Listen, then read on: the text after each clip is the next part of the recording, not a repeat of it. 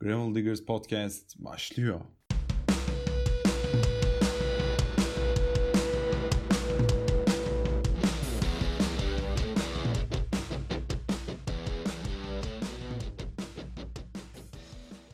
Santine Türkiye'nin katkılarıyla hazırlanan Gravel Diggers Podcast'in 18. bölümünde Buğra ile mikrofonun başındayız. Ee, bu haftaki konuğumuz Özcan Giler. Hoş geldin Özcan. Hoş bulduk, merhaba. Ne haber abi, nasıl gidiyor? İyiyim, teşekkür ederim. Siz nasılsınız? İyi abi, ne olsun? Şu an karantina saatleri başladı, evdeyiz yine maalesef. Evet, maalesef. Yani Festive 500 geliyordu Rafa işte. Anca evde trainer. Aynen trainer da yapacağız. Boş geçmek yok. Abi o zaman ufaktan ben giriş yapıyorum. Özcan Güler kimdir? Bize biraz kendinden bahseder misin? Tabii ki. İstanbul Bakırköy'de doğdum. Ee, aslen Makedon göçmeniyim. Ee, İstanbul'da okudum. Belirli bir zamandan sonra Edirne Uzunköprü'ye taşındık. Ee, ondan sonra ben tekrardan İstanbul'a geldim. Burada iş hayatımı bir şekilde düzene oturttum. Burada yaşamaya başladım. Ondan sonra Tubi'yle tanıştık. Evlendik. Bisiklet hayatı derken şu anda İstanbul'da yaşamaya devam ediyorum. Peki ne zamandan beri abi bisiklete biniyorsun ve uzun mesafe bisiklete ne zaman başladın? Ya şöyle söyleyeyim. 4 senedir aslında bisikletin yani bisiklet sporuyla ilgileniyorum ama tabii bunun ilk 2 senesi daha böyle ya yine amatörüz ama hani daha böyle bilmeden sürdüm. E, mesela yine 100 kilometre 150 kilometre sürüyorduk ama sürüş bittiğinde böyle bayağı bir yoruluyorduk falan ağrılarımız oluyordu böyle ama sürüş bitince de anlamsız bir mutluluk yaşamaya başladım ben. Ondan sonra dedim ki yani bunun daha fazlası da olabilir. Yani çünkü mutlulukla doğru orantıda ilginç bir şekilde. Ondan sonra e, uzun sürüşleri araştırmaya başladım. Daha nasıl limitler artabilir, neler yapılabilir? Çünkü araştırdıkça e, e, karşına çok fazla şey çıkıyor. Yani çok fazla doğruyu bir araya getirmen gerekiyor uzun sürüşte. Çünkü sağlıklı olarak yapmazsan bir anlamı yok bunun.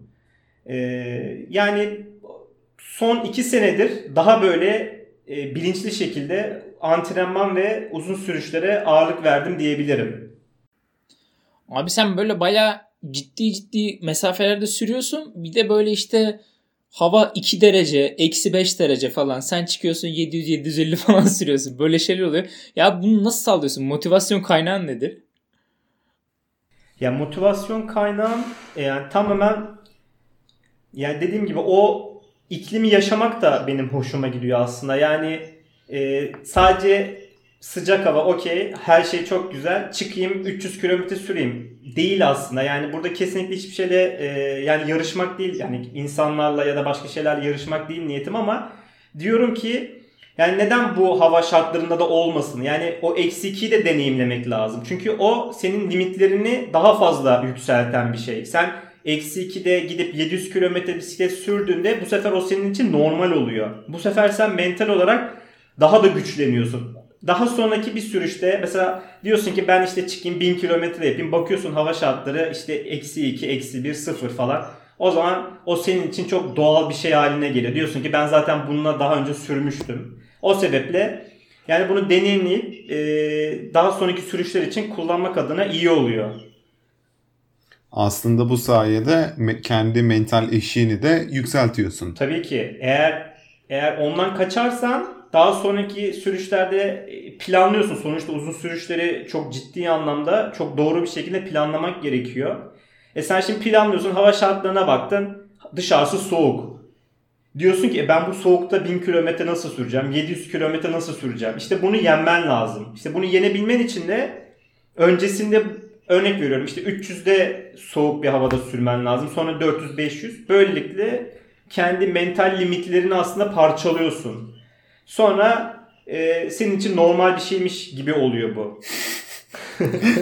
Sıfır derecede 500 bindim benim için çok normal. Yani ben işte o Marmara Denizi tam turu yaptım. Yani orada bayağı uzun süre hem gece sürüşü ve e, eksileri hissettim devamlı. Mesela ellerin donuyor. Yumruk yapıyorsun mesela da, ellerini koruyabilmek için falan ve öyle 13 saat sürmek zorundasın. Düşün yani.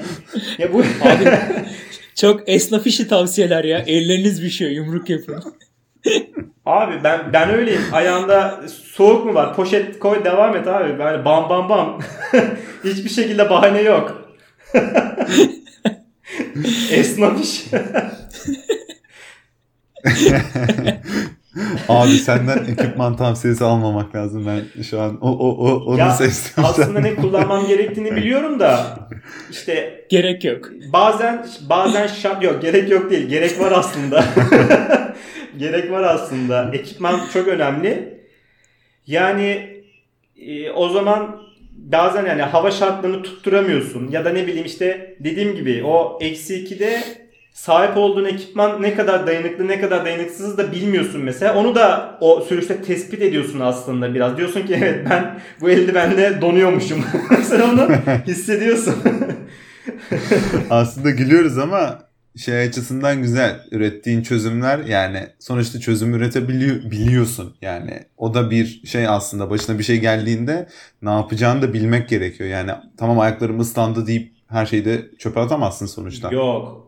Geri vites yok. Ne varsa şartları zorlayacağız yani. Ne kadar zorlayabiliyorsak zorlayacağız. Yani sağlığımız el verdiği sürece. Yani bunun gibi birçok şeyi denedim, deneyimledim. İşe yarıyor. Nalbur'a girdim, yağmurlu kaldım. Bulaşık eldiveni kullandım. Yani çok farklı çözümlerim var. Abi şey var ya işte tırmanıyorsun bir videonda var mesela. Şimdi iniş başlıyor benzinliğe girip içimi peçete doldurayım terlemiştim falan. Yani Evet. böyle evet. pratik çözümlerin oluyor turlarda. Evet o çok çok e, havlu peçeti içine koyduğunda aynen o işe yarıyor yani. Peki o zaman e, başka bir tarafa dönüyorum. E, yine antrenman tarafına dönüyorum aslında. E, pandemiye kadar senin böyle bayağı istikrarlı e, bir yıllık kilometre e, grafiğin vardı ama tabii pandemi herkesin antrenmanlarını vurdu sonuçta. İçeride aynı antrenmanı her zaman yapamıyorsun. Şu an e, nereye döndü antrenmanların? Nasıl bir plan yapıyorsun? Şöyle aynen pandemi biraz etkiledi. Ne yapacağımızı şaşırdık. Yani hiç kimsenin deneyimlemediği bir şey. Yani bir anda hayatımıza bir girdi böyle. Hop eve tıktı bizi. Delirdik yani adeta. Gece 3'lerde kalkıp antrenman falan yapıyordum böyle. Yani her şey bir anda allak bullak oldu böyle. Bütün düzen bozuldu. Ya şu anda e, şuraya döndü antrenmanlar. Ya, şimdi işe gidip gelirken işte yolumu uzatıyorum mesela. İşte Hı hı. örnek veriyorum e, dayanıklılık antrenmanı olsun diye işte yüksek ortalamalı bitirmeye çalışıyorum. Mesela işte 40 gidiyorsam 40 kilometre gidiyorsam işte bunu 39-40 ortalamayla bitirmeye çalışıyorum bilerek ki dayanıklılığım artsın. E, akşam gelirken de aynı şekilde yol uzatmaya çalışıyorum. Evet bu şekilde güzel bir düzen gidiyordu. E, pandemiyle bu biraz aksadı. Ben de sonra ne yapabilirim dedim. Ne- ne- hangi kısımlarda eksikliğim var dedim. İşte mesela zone 4 işte orayı geliştirebilirim dedim. Biraz da tabii ki hep aynı antrenmanı da yapmamak gerekiyor. Ee, sonra zone 4 antrenmanı yapmaya başladım genel olarak. Bir, bir buçuk ay falan böyle e, şu, yani şu zamandan geriye dönersek bir buçuk ay daha böyle e, eksiklerim neredeyse oraları geliştirmeye yönelik antrenman yapmaya başladım. İşte mesela 172-173 nabıza çıkıp orada bir saat kalabilip yüksek ortalamada sürebilmek mesela. Buraya döndüm. Yani aslında verimsiz geçmedi. Ama yani tabii ki dışarıda antrenman yapmak ve sürmek daha keyifli bizim gibi uzun sürüşü seven insanlar için. Peki abi antrenman ve sürüşte hani beslenmeyle desteklenmezse sürekliliği olmuyor. Yani nasıl besleniyorsun? İşte vegan, keto hani öyle bir beslenme diyetin var mı? Ee, şöyle her sabah yulaf yiyorum. Yulafın içerisine fındık, badem, ceviz, kaju, kakao atıyorum. İşte bir tane muz atıyorum mesela. Yanında kesinlikle bir tane yumurta oluyor. Ve bunu sütle yapmıyorum. Suyla yapıyorum. Ee, süt ağır geliyor yani. Son, baya, bayağıdır artık yani süt tüketmiyorum. Son 6-7 aydır süt yani süt hiç tüketmiyorum. Yani şu anda bu beni hani bana güç veriyor. Öğlen iş yerinde ne çıkarsa mecburen ee, 15 yani saat 3 gibi de böyle işte bazen zeytin götürüyorum yanımda. Yeşil biber götürüyorum. Yeşil biberde C vitamini var.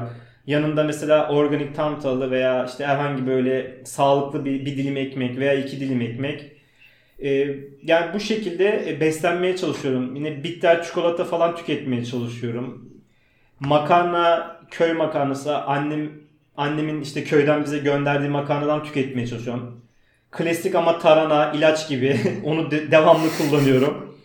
Yani salata, e, hindi eti, e, yani bu şekilde kendime iyi bakmaya çalışıyorum. Çünkü dediğiniz gibi yani bu tempoda iyi beslenmezsen kesinlikle sakatlanırsın. Ha bir de şunu da ekleyeyim. Sabah kahvaltısında yani yulafın içine bir de sığır jelatini falan da ekliyorum. Eklemler için. Abi valla özellikle tükettiğin besinler var mı diye soracaktım ama sen bayağı bir kısmını cevapladın. Hani ekstra bir şey var mı böyle e, bu- bunların Sayfada. haricinde şunu mutlaka tüketiyorum falan dediğin? Bulgur pilavı çok seviyorum. Ee, yani mevsimine göre meyve bunların hepsi e, tüketmemiz gereken şeyler. Çünkü şeker ihtiyacımız var. Çok fazla şeker ihtiyacımız oluyor. Yani aslında yemek ayırt etmiyorum. Ya elimden geldiği kadar sebze de tüketmeye Abi Efendim? tam bir halk adamısın. Ne bulursan gömüyorsun ya. En sevdiğim profil bu işte. Abi ben aynen öyleyim. aynen tam halk adamı. Yani aslında her şeyi yiyorum. Yani çünkü her şeyden e, ne kadar çok yediğiniz şeyi farklılaştırırsanız ya bir sürü besin değerinden almanız gerekiyor. Yani sadece hep makarna değil ya da hep et değil ya da hep sebze değil. Her şeyden farklı farklı tüketmek gerekiyor. Yani çeşitlendirmek gerekiyor. Bu da size güç olarak geri dönüyor. Yani e, her gün 70 kilometre sür. İşte ne bileyim her gün bilmem 2000 kalori yak falan ya da git 300-400 kilometre çat diye bir anda çık sür gel falan ve normal hiçbir şey olmamış gibi pazartesi günü işe git. Yani bunu sağlayan şey kesinlikle aynı zamanda beslenme yani. Abi peki Kesinlikle. Hani beslenmeye dikkat ediyorsun ama yine de mesafeler ciddi olduğu için yaşadığın ciddi bir sakatlık oldu mu? Ciddiyim yaşadı. Evet öyle bir sakatlık oldu. Karpal tünel sendromu oldu bende. Sarıkamış'a gittim. S-Works'le. yani o gidilmemesi gereken bir bisiklet olduğunu Sarıkamış'a gittikten sonra anladım. Peki abi nereden gittin? Ona da bir detaya girelim de. Ben Yani- hatırlıyorum o zamanlar seni. İstanbul'dan Klasik. başladın değil mi? Aynen. Cafe Nero'dan başladık. Rotayı çizerken Strava'dan şey mi yaptın abi? Nero Sarıkamış mı yazdın? Nero Sarıkamış yaptık. Bayağı Kaç kilometre ediyor? oldu. 1358 kilometre 15500 elevation. Kaç ortalama?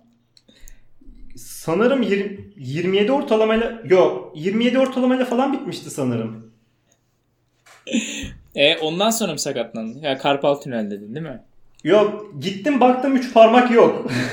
yani dedim ki bu parmaklara ne oldu dedim. Bilmiyorum ki yani sinirler sıkışmış. Ben zaten 4 gün üst üste böyle sabit gittiğim için gidonda aerobar falan hiçbir şey bilmiyoruz yani o zaman bilinç sıfır. Aldık başımıza dedik gideceğiz. Yani Ayak- artı öyle artı ne olur eksi ne olur hiçbir şey bilmiyoruz yani. Hani vücudum nasıl tepki verir onu da bilmiyorum. Çıktık gittik Hı hı. yani. E, sonunda 3 parmak gitti benim. Sonra araştırmaya başladım bu neden böyle falan diye. Baktım sinirler sıkışmış, zedelenmiş bayağı bir. Yani karpal tünel olmuşuz. İşte onun hareketleri var. Ve onları yapmaya başladım. E, zamanla e, düzelmeye başladı. Bir- Zamanla derken 6 ay falan sürdü bu arada. Bayağı Yani ciddi. geçmedi. 6 ay Sarıkamış hep ben seninleyim dedi bana. Abi umarım hani hiç karşılaşmazsın ama hani o sürüşlere rağmen hiç diz sakatlığı, ciddi bir diz sakatlığı yaşamaman da gayet sevindirici. Yani sen o kırmızı kal falan kullanıyordun böyle Sarıkamış'a gittiğin zamanlar. Evet. Kırmızı kal nedir onu da bilmiyordum ki ben. Yani tam Sen Allah ne verdiyse. tam Allah ne verdiyse yani ölü, ölümüne yani. Abi Gravel Diggers Podcast Çağrı Terzioğlu bölümü dinleyenler daha önceden haberi var. ya mesela e, sol kal e, bayağı bir yine orada ayarı yanlıştı herhalde ki yoksa uyuşmuştu yani ayağımın altı bayağı bir uyuşmuştu.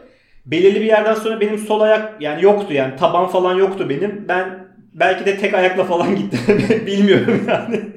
Abi şimdi e, geçmişe göre artık daha tecrübeli ve daha bilgisin, bilgilisin. Daha fazla araştırıyorsun bu konuları anladığım kadarıyla. Bu sakatlıklardan korunmak için e, yaptığın ekstra bir şey var mı? Öncelikle sarı kal aldım kendime. açıları açıları varmış onların. Onlarla tanıştım.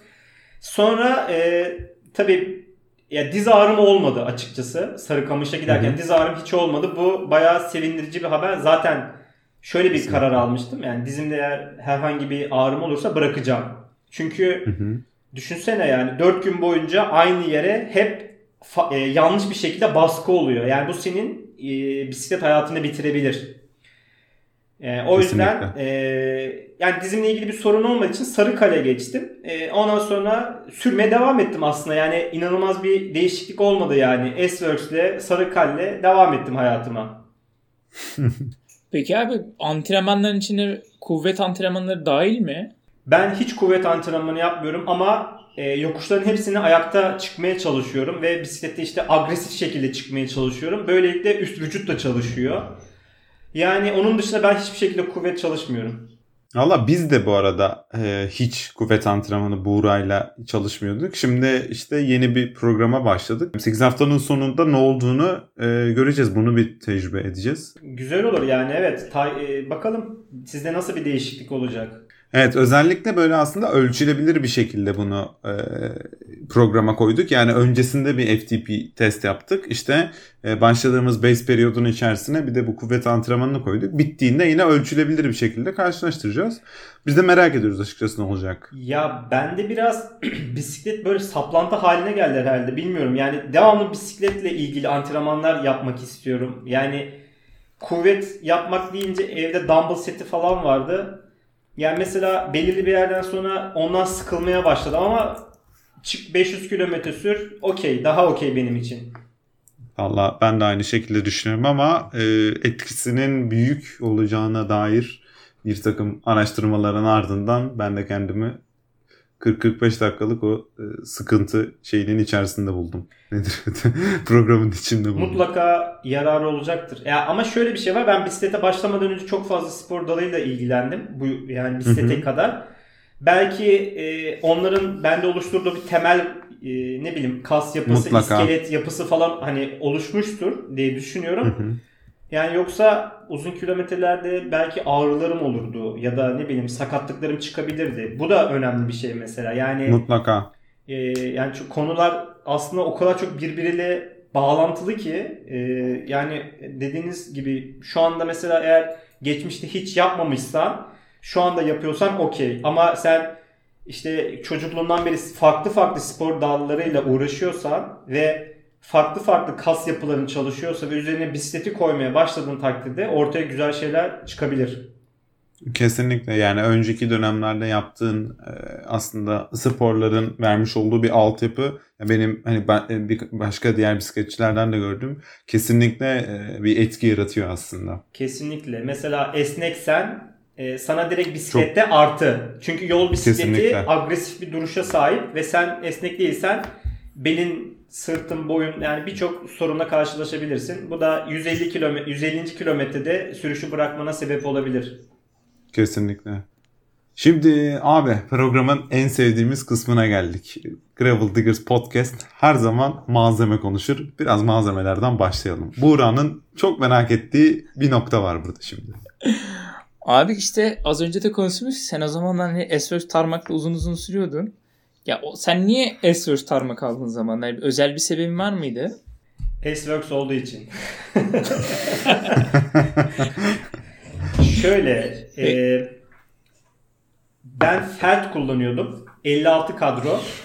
E, o kadrosu bana büyüktü. E, Abi boyunu söyler misin bir de? Efendim? Bir de boyunu söyler misin? 56 göz önüne gelsin diye. Yani 1.77 Senin... boyum var. Ama yıllarca 1.80 olduğumu falan düşünüyordum ben ama 1.80 falan değilmişim. Yani birileri beni kandırmış. Neyse. 56 kadro almıştım. Ee, tabii uzun sürüşlerde benim artık böyle işte belimde falan böyle sırtımda falan böyle uyuşmalar falan oldu böyle. Hani ondan onun üzerinde daha doğrusu dedim e, ben gücümü de aktaramamaya başladım. Yani biraz aslında şey de devreye girdi. Araştırdım. Araştırmaya başladıkça işte fit, açılar, geometri onlar işte ne kadar önemli olduğu ortaya çıktı bende. Ondan sonra böyle aydınlanmalar falan oluşmaya başladı bende. Dedim ki de, daha iyi bir bisiklet almalıyım ama yani tabii ki S-Works okey güzel bir bisiklet. Mesela 150 kilometre agresif süreceksen S-Works bam güm gider. Sende de ciğer varsa, bacak varsa abi yani çok sağlam sürersin ama uzun sürüş için kesinlikle net bir şekilde uygun bir bisiklet değil abi. Yani aerobar bile taksan hayır abi yani kurtarmıyor yani. Yani e, o bisikleti de alırken şöyle işte güvendiğim birileri vardı. Araya girdi. Dediler ki S-Works işte e, satan birisi var. Sadece kadro satıyor falan böyle. Bu arada S4 Tarmak yani onun da şeyini SL4 aynen Tarmak. S aynen S-Works Tarmak SL4. Yani böyle temiz, kadrosu yeni boyanmış falan böyle. Dediler güzel bisiklet falan. Dedim olabilir. Onun üzerine S-Works aldım biraz da. Yani araya tanıdıklar da girdi. Onlara güvendim. E, o kadroyu aldım. Yani bisiklet gerçekten yani Feld ve 56 kadrodan S-Works 54 kadroya geçince kesinlikle e, sahip olduğum gücü daha doğrusu sahip olduğum gücün farkına vardım. Yani öyle söyleyeyim. Çünkü çünkü bisiklet sen ne kadar e, agresif davranırsan bisiklete bisiklet de sana ve yola o kadar e, tepki veriyor yani. E, hepsini Doğru. aktarıyor. Yani bunu sprint attığında direkt hissediyorsun abi yani.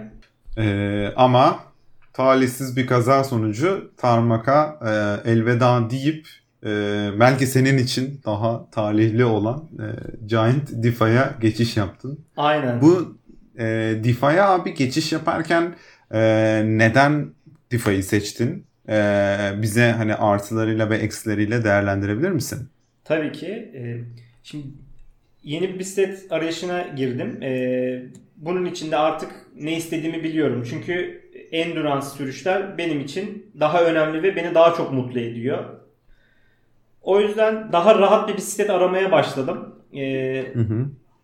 Tabii burada sahip olduğunuz bütçe de önemli. Yani Tabii oraya ki. bir işte A markası yazdığın an çok daha fazla paralar ödeyebiliyorsun.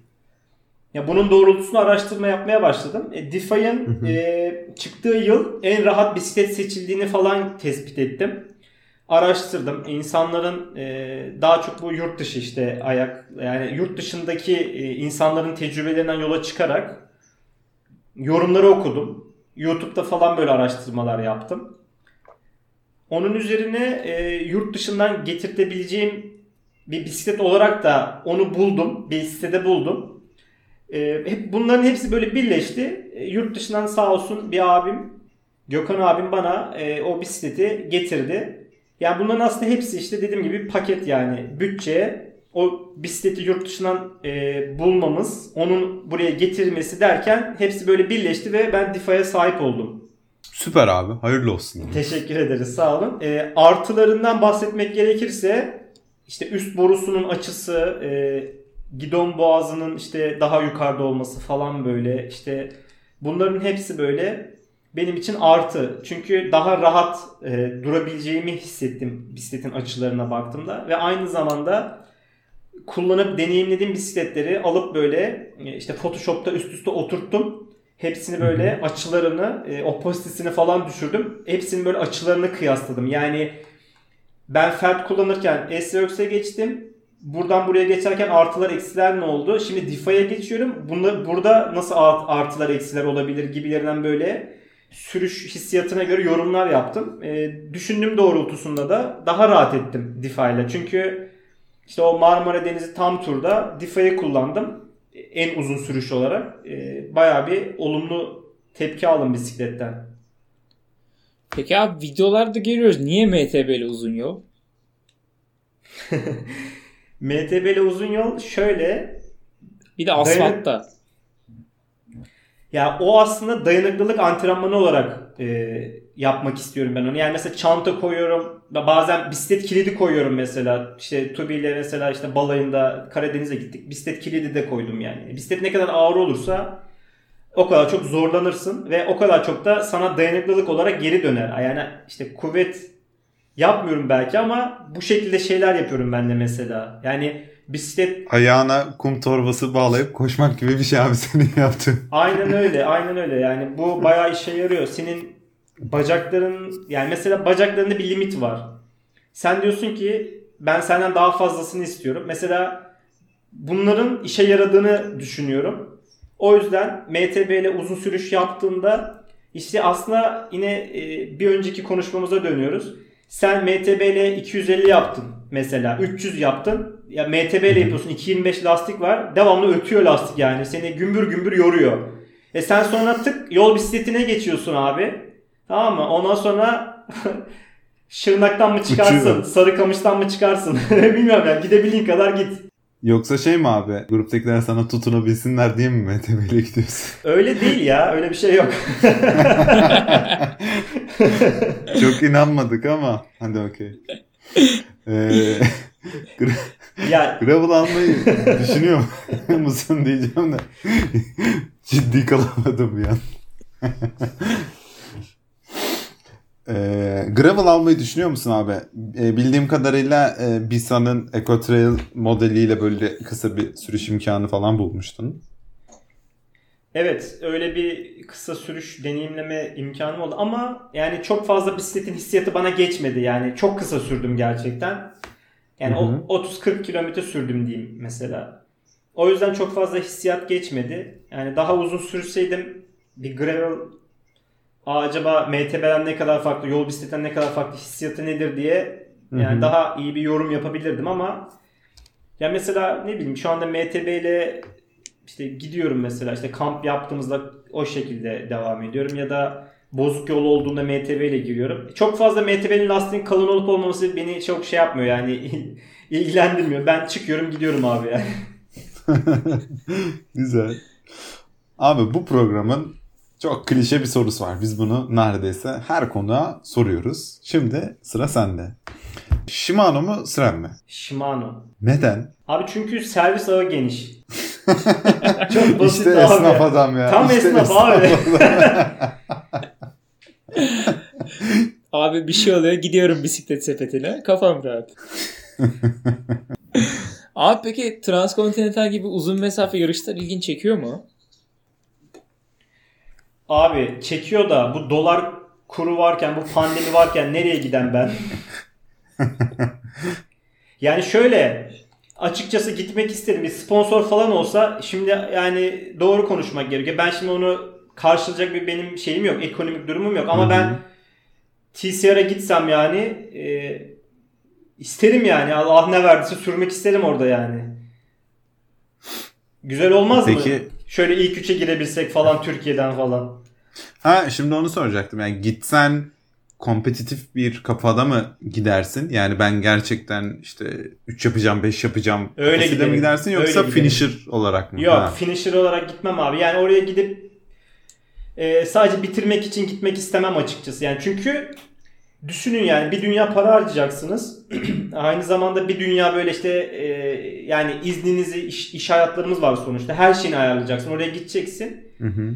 Yani ne bileyim ben biraz o konuda hırslıyım. Aslında yarış kafam hiç yok ama oraya gidersem de yani ilk üçe, Hakkını veririm diyorsun. ilk üçe girmek isterim. Ama oraya ilk üçe girebilmek için abi şu andaki antrenman seviyem yetmez. Gerçekten ciddi anlamda antrenman ya- yapmak gerekiyor. Çünkü e, Hı hı. oraya katılan insanlar gerçekten e, mesela 400 kilometre sürüyor abi. 4700 tırmanıyor. 20 dakika mola var mesela. Şimdi sen böyle sürüşler yapamıyorsan abi TCR'e gitmenin hiçbir anlamı yok yani. yani ben oraya gidip de tamam ben sadece finisher yapmak istiyorum yani falan. O kafada gitmek bana göre değil yani. Gidersem sağlam antrenman yapıp e, gümbür gümbür sürmek isterim açıkçası. Abi zaten olay da işte çok hızlı gitmek değil de az durmak aslında teknik olarak. Yani sen de sürüşlerinde solo sürüşlerinde buna dikkat ediyorsun. Christoph falan 10 günde 8 saat duruyor falan böyle toplamda. İşte abi aynen. Yani sen bunu antrenmanlarında yapamıyorsan oraya sadece finisher olarak yani finisher yap o kadar. Hiçbir şekilde ilk 3'e falan ilk 5'e ilk 10'a giremezsin yani. Çünkü Peki ciddi e, değerler. TCR TCR diyoruz ama hani e, hani bir örnek olması için dedik aslında bunu. E, hedefin olan bir yarış var mı? Hani gitsem şu yarışa giderim dediğin. Ya Bosna'da falan var. Yani onu düşündüm. Hem yakın e, vize falan hani daha kolay böyle. Bir heveslendim. Pat pandemi patladı abi. Yani zor yani şu anda bir şekilde buradan oraya gitmek falan. Risk yani. O yarışa biz de ciddi niyetlenmiştik aslında geçen sene. Hani belki 2021'de olabilir diye düşünüyoruz. Hem kısa hem vize yok. Hem maliyetler daha düşük. Aynen. Yani bir- kısadan hem kısa güzel anlamda kısa dememin sebebi hepimiz çalışan insanlarız. Yani şimdi transkontinental için bunun gittisiyle geldisiyle minimum bir 20 günlük falan bir işten izin almak gerekirken o yarış işte böyle Evet. 4-5 günde dönebileceğim bir yarış. 1000 kilometre falan. Aynen öyle. Yani şimdi yurt dışındaki insanlar e, bence daha rahatlar. Yani iş hayatı, şartlar zaten dolar, euro falan. Ya bence bizim zaten direkt bir birkaç adım önümüzdeler. Yani bizim oraya onların antrenman seviyesine ulaş. Yani düşünün yani biz bir ekipmanımızı yükseltmek için bile daha fazla para harcıyoruz. İşte bu sele benim için daha iyi olur mu acaba dediğinde o seleyi alman 1000 lira. Ama onun için daha kolay. Yani o 10 tane sele deniyor ve çok daha iyi bir evet bu diyor benim için en iyi sele diyor ve işte o adam 20 dakika durmadan o sürüşü tamamlayabiliyor. Belki bizim için, senin için veya benim için daha iyi bir sele var. Ama biz bunu deneyimleyemiyoruz. Çünkü ekonomik şartlarımız el vermiyor. Belki daha iyi bir bisiklet benim için. Hani bulabileceğim bir şey mesela belki alüminyum. Ama mesela işte eee Janttan işte mesela işte dinamo mesela sen, sana, sen çevirdikçe sana işte ışık sağlayacak. Ya bunu mesela deneyimlemen için hemen 1,5-2 milyar para harcaman gerekiyor abi. Yani ekonomik olarak da biraz yarışamıyoruz aslında. Yani hem e, hayat şartları olarak yarışamıyoruz hem ekonomik olarak yarışamıyoruz. E, durum böyle olunca her bakımdan bizden daha öndeler. Yani bu yönden biz hep bir gerideyiz abi. Yani ben böyle düşünüyorum. Yani velhasıl e, ister TCR olsun ister Bosna olsun hep bir şekilde bizim için zor olacak yani. Çünkü işten 20 gün izin alıp gitmek falan maddiyat bilmem ne derken e bunları bunlar sonuçta zevk için yapılan şeyler. Yani sen oraya gittiğinde şey yani mental olarak yarışa tamamen odaklanman lazım. Yani Kredi çekip TCR'a gidip de 3. günde ulan krediyi nasıl ödeyeceğiz ya, düşünmemek. yani mesela kredi de çekilebilir elbet. Faizler yüksek. Yani her türlü eksidesin abi. bir hafta sonra patrondan mesaj geliyor. Sen gelişte gelme işe diye. Yani düşün yani aynen gümbür gümbür gidiyorsun işten çıkarıldın. Hayda. Anladın mı yani?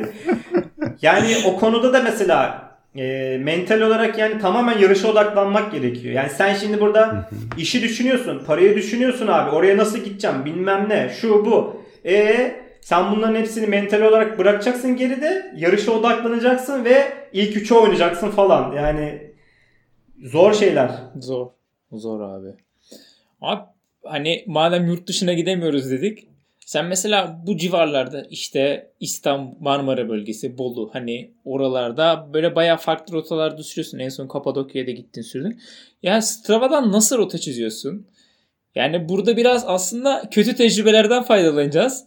Çünkü şöyle oluyor. Sen rota çiziyorsun. Videolardan göz böyle çitlerden bisiklet atıyorsunuz. İşte meğer Strava'daki yol aslında kummuş falan. Böyle Tuğba'nın orada gözleri yaşlı. Tubi Nasıl çekiyor ya. çizmemeliyiz? yani Tubi bu konuda çok çekiyor. Baya yazık yani. Gerçekten yazık. Kız perişan oluyor. Ya şöyle oluyor. Ya ben bakıyorum abi rotayı çekiyorum mesela tamam mı? Bakıyorum rota aşağı doğru gidiyor yani. Bana şuraya gidebilirsin diyor tamam mı? Ben tamam diyorum okey burada rota var diyorum ama rota yok aslında. Yani o biraz e, deneyimlemek gibi bir şey. Benim hoşuma gidiyor aslında. Yani keşfetmek hoşuma gidiyor. Yani gidiyorsun e, mesela şey anlatayım. Bolu Dağı işte şeye çıktık. E, Bolu'ya çıktık.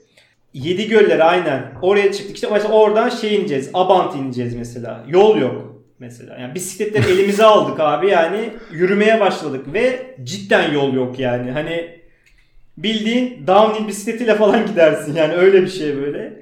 Yani oradan mesela şey yürüyerek indik falan. Ee, yani ne bileyim keşfediyorsun abi sonuçta. Ne ne ne, ne olabilir ki yani? Abi çok kötü şeyler ne bileyim Google Street View'den falan acaba buraya bakayım yol var mı falan hiç bakıyor musun?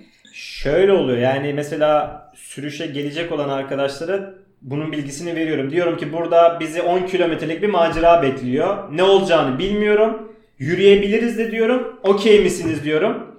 Yani e, katılan arkadaşların da fikrini alıyorum. Okey diyorlar. Ben zaten okeyim abi yani her şey okeyim ben.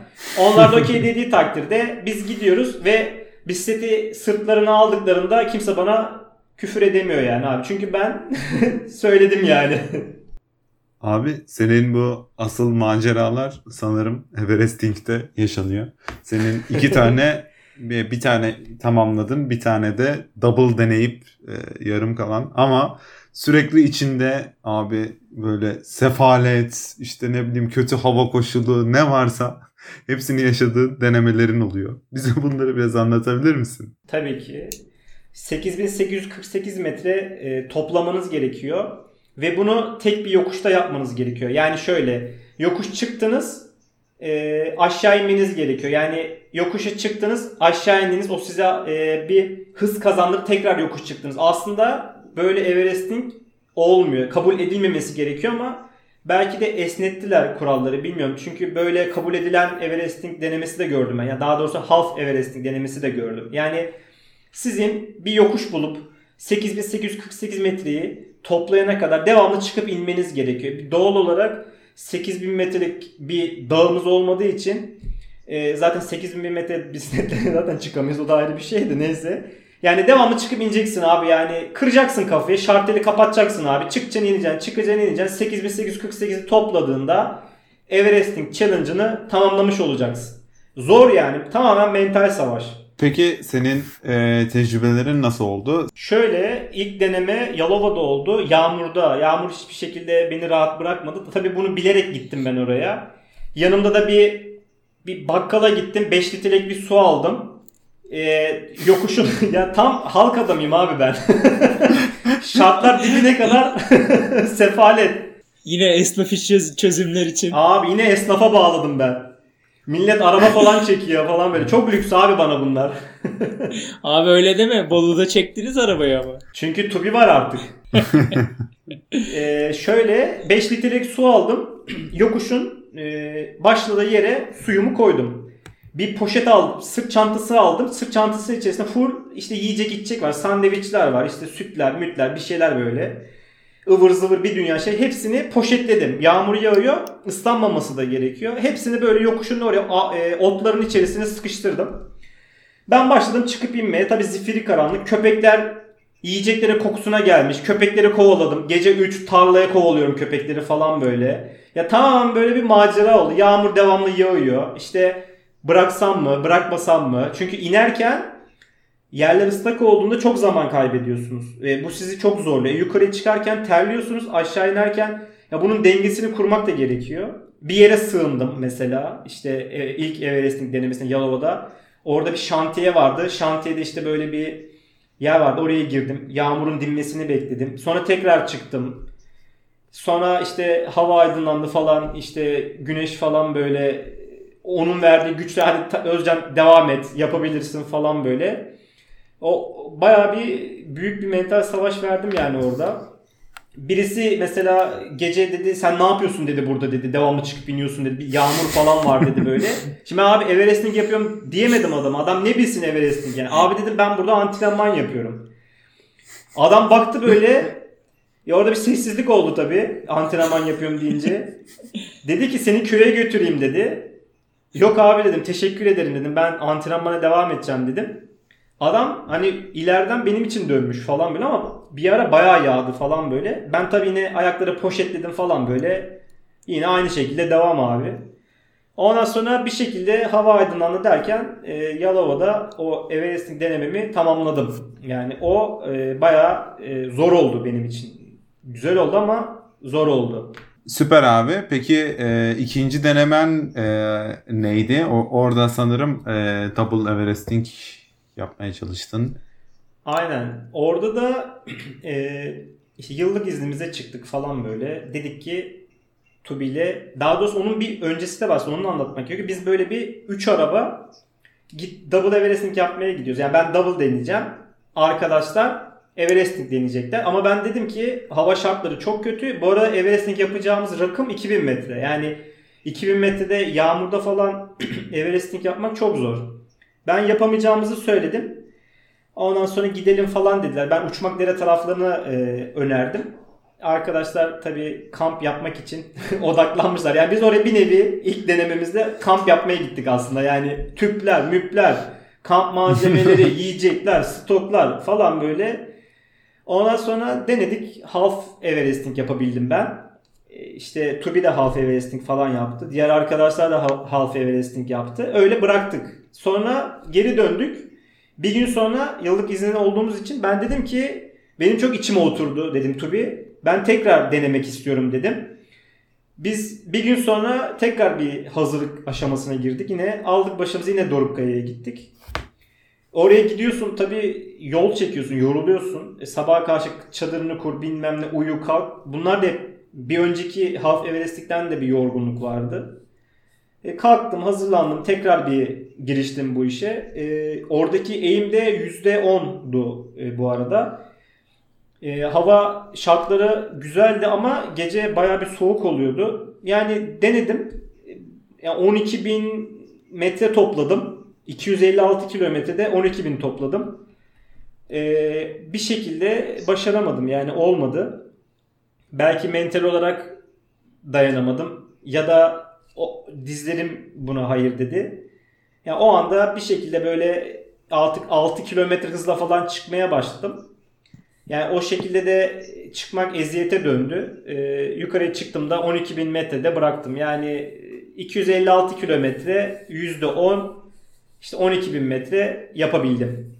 Yani çok az kalmıştı da diyemiyorum. Çünkü her tırmanış 1000 metre 1000 metre 1000 metre hepsi ciddi efor istiyor. Abi peki hazırlık süreci bu işin nasıl ilerliyor? Yani ekipmandı, beslenmeydi, ulaşımdı. Abi şimdi öncelikle işte nerede yapacağına karar vermen gerekiyor. Yani aslında seni çok beslendiğinde yormayacak şeyler yemen lazım. Yani çok böyle ağır şeyler yersen çünkü devamlı yokuş çıkıyorsun yani ve %10 çıkıyorsun. Yani bunu %5'te yaparsan, %6'da yaparsan kilometre uzuyor. Daha rahat yapabiliyorsun. Yani mesela %5 5 bir eğime sahip yokuşta yaparsan daha rahat yaparsın. Daha kolay yapabilirsin ama bu %10 olduğunda daha zor oluyor. Buna bağlı olarak yediklerine de dikkat etmen gerekiyor. Çünkü %10'da çıkarken yediğin an direkt kendini zorluyorsun zaten. Yani %10 bir yokuş çıktığında yani bunu deneyimleyen insanlar daha iyi işte empati kurabilir. Yediklerine çok dikkat etmen lazım. Yani günlük hayatında yediğinde seni rahatsız etmeyecek ne varsa onlarla beslenmen gerekiyor. Aslında tabii ki enerji veren şeyler. Yani mesela ben böyle enerji barları, işte protein tozları, şuna buna hiç öyle şeyler kullanan birisi değilim. Ben yine neyden çok zevk alıyorsam, bana neyin yarayacağını düşünüyorsam hep onlardan beslendim yine. Yani bu şekilde beslenilebilir yani. Peki en başında şey dedin abi, e, Everesting yapacağın yeri buluyorsun dedin. E, Everesting yapacağın segmente ya da yere nasıl karar veriyorsun? Nasıl buluyorsun burayı? Ya mesela Yalova'da işte yeşil mavi yol rotası var. Ben orada sürmüştüm. Ondan sonra karar verdim de orada işte şey var. E, o yokuş ilk yokuş işte adını şu anda unuttum. Ya %9 bir eğime sahip orası da. Baktım e, inişi de yok. Yani eksi göstermemesi gerekiyor. Oraya bir segment açtım. Baktım eksi göster tamamen tırmanış. Okey. Bu şekilde yani e, sürdüğüm rotada aslında e, bulmaya çalışıyorum. İşte Dorukkaya'da yapalım. Neden yapalım? Doğası çok güzel. İşte seni mental olarak güçlendirir. Sana güç verir. Daha önce ben Dorukkaya'ya çıkmıştım işte. Orada da yine bir yer bulduk. İşte %10'da yapabilir miyim bilmiyorum. Hadi tamam gidelim yapalım deneyelim. O şekilde yani daha önce sürüp deneyimlemekte fayda var. Çünkü arabayla gidersen arabayı nereye koyman gerektiğini bilmen lazım. Masa koyman lazım. O masalar için yer var mı? İşte Tabii. çok fazla araç gidip geliyor mu? Bu çok önemli bir şey. Yani mesela Yalova'da beni çok araç rahatsız etmedi. Dorukkaya'da rahatsız etmedi. Yani bunlar çok önemli. Çünkü aşağı inerken Dorukkaya'da ben 60 ile iniyordum. Yani Tabii. çünkü zaman Ya da çıkarken temponu bozmaması da gerekiyor. Tabii, Tabii, önüne araba çıkar. Kesinlikle. vesaire. Yani zaten e, öyle bir şey ki çok fazla yoğun trafikte yapmak ya bilmiyorum yani hem tehlikeli hem de keyifsiz yani. Yani bu şekilde sizin için ne önemliyse e, bunlar doğrultusunda rotaya karar verebilirsiniz. Valla süper bilgiler abi. Çok teşekkür ederiz. Rica ederim. Eklemek istediğin bir şey var mıydı? Ee, davetiniz için teşekkür ederim. Keyifli bir sohbet oldu. Biz teşekkür ederiz abi. Bizim için de gayet keyifliydi ve yine güzel tecrübelerden bahsettiğimizi düşünüyorum. Santine Türkiye'nin katkılarıyla hazırlanan Gravel Diggers Podcast'in 18. bölümünden bu haftalıkta bizden bu kadar. Bu haftaki konuğumuz Özcan Güler'di. Önümüzdeki hafta görüşmek üzere. Hoşçakalın.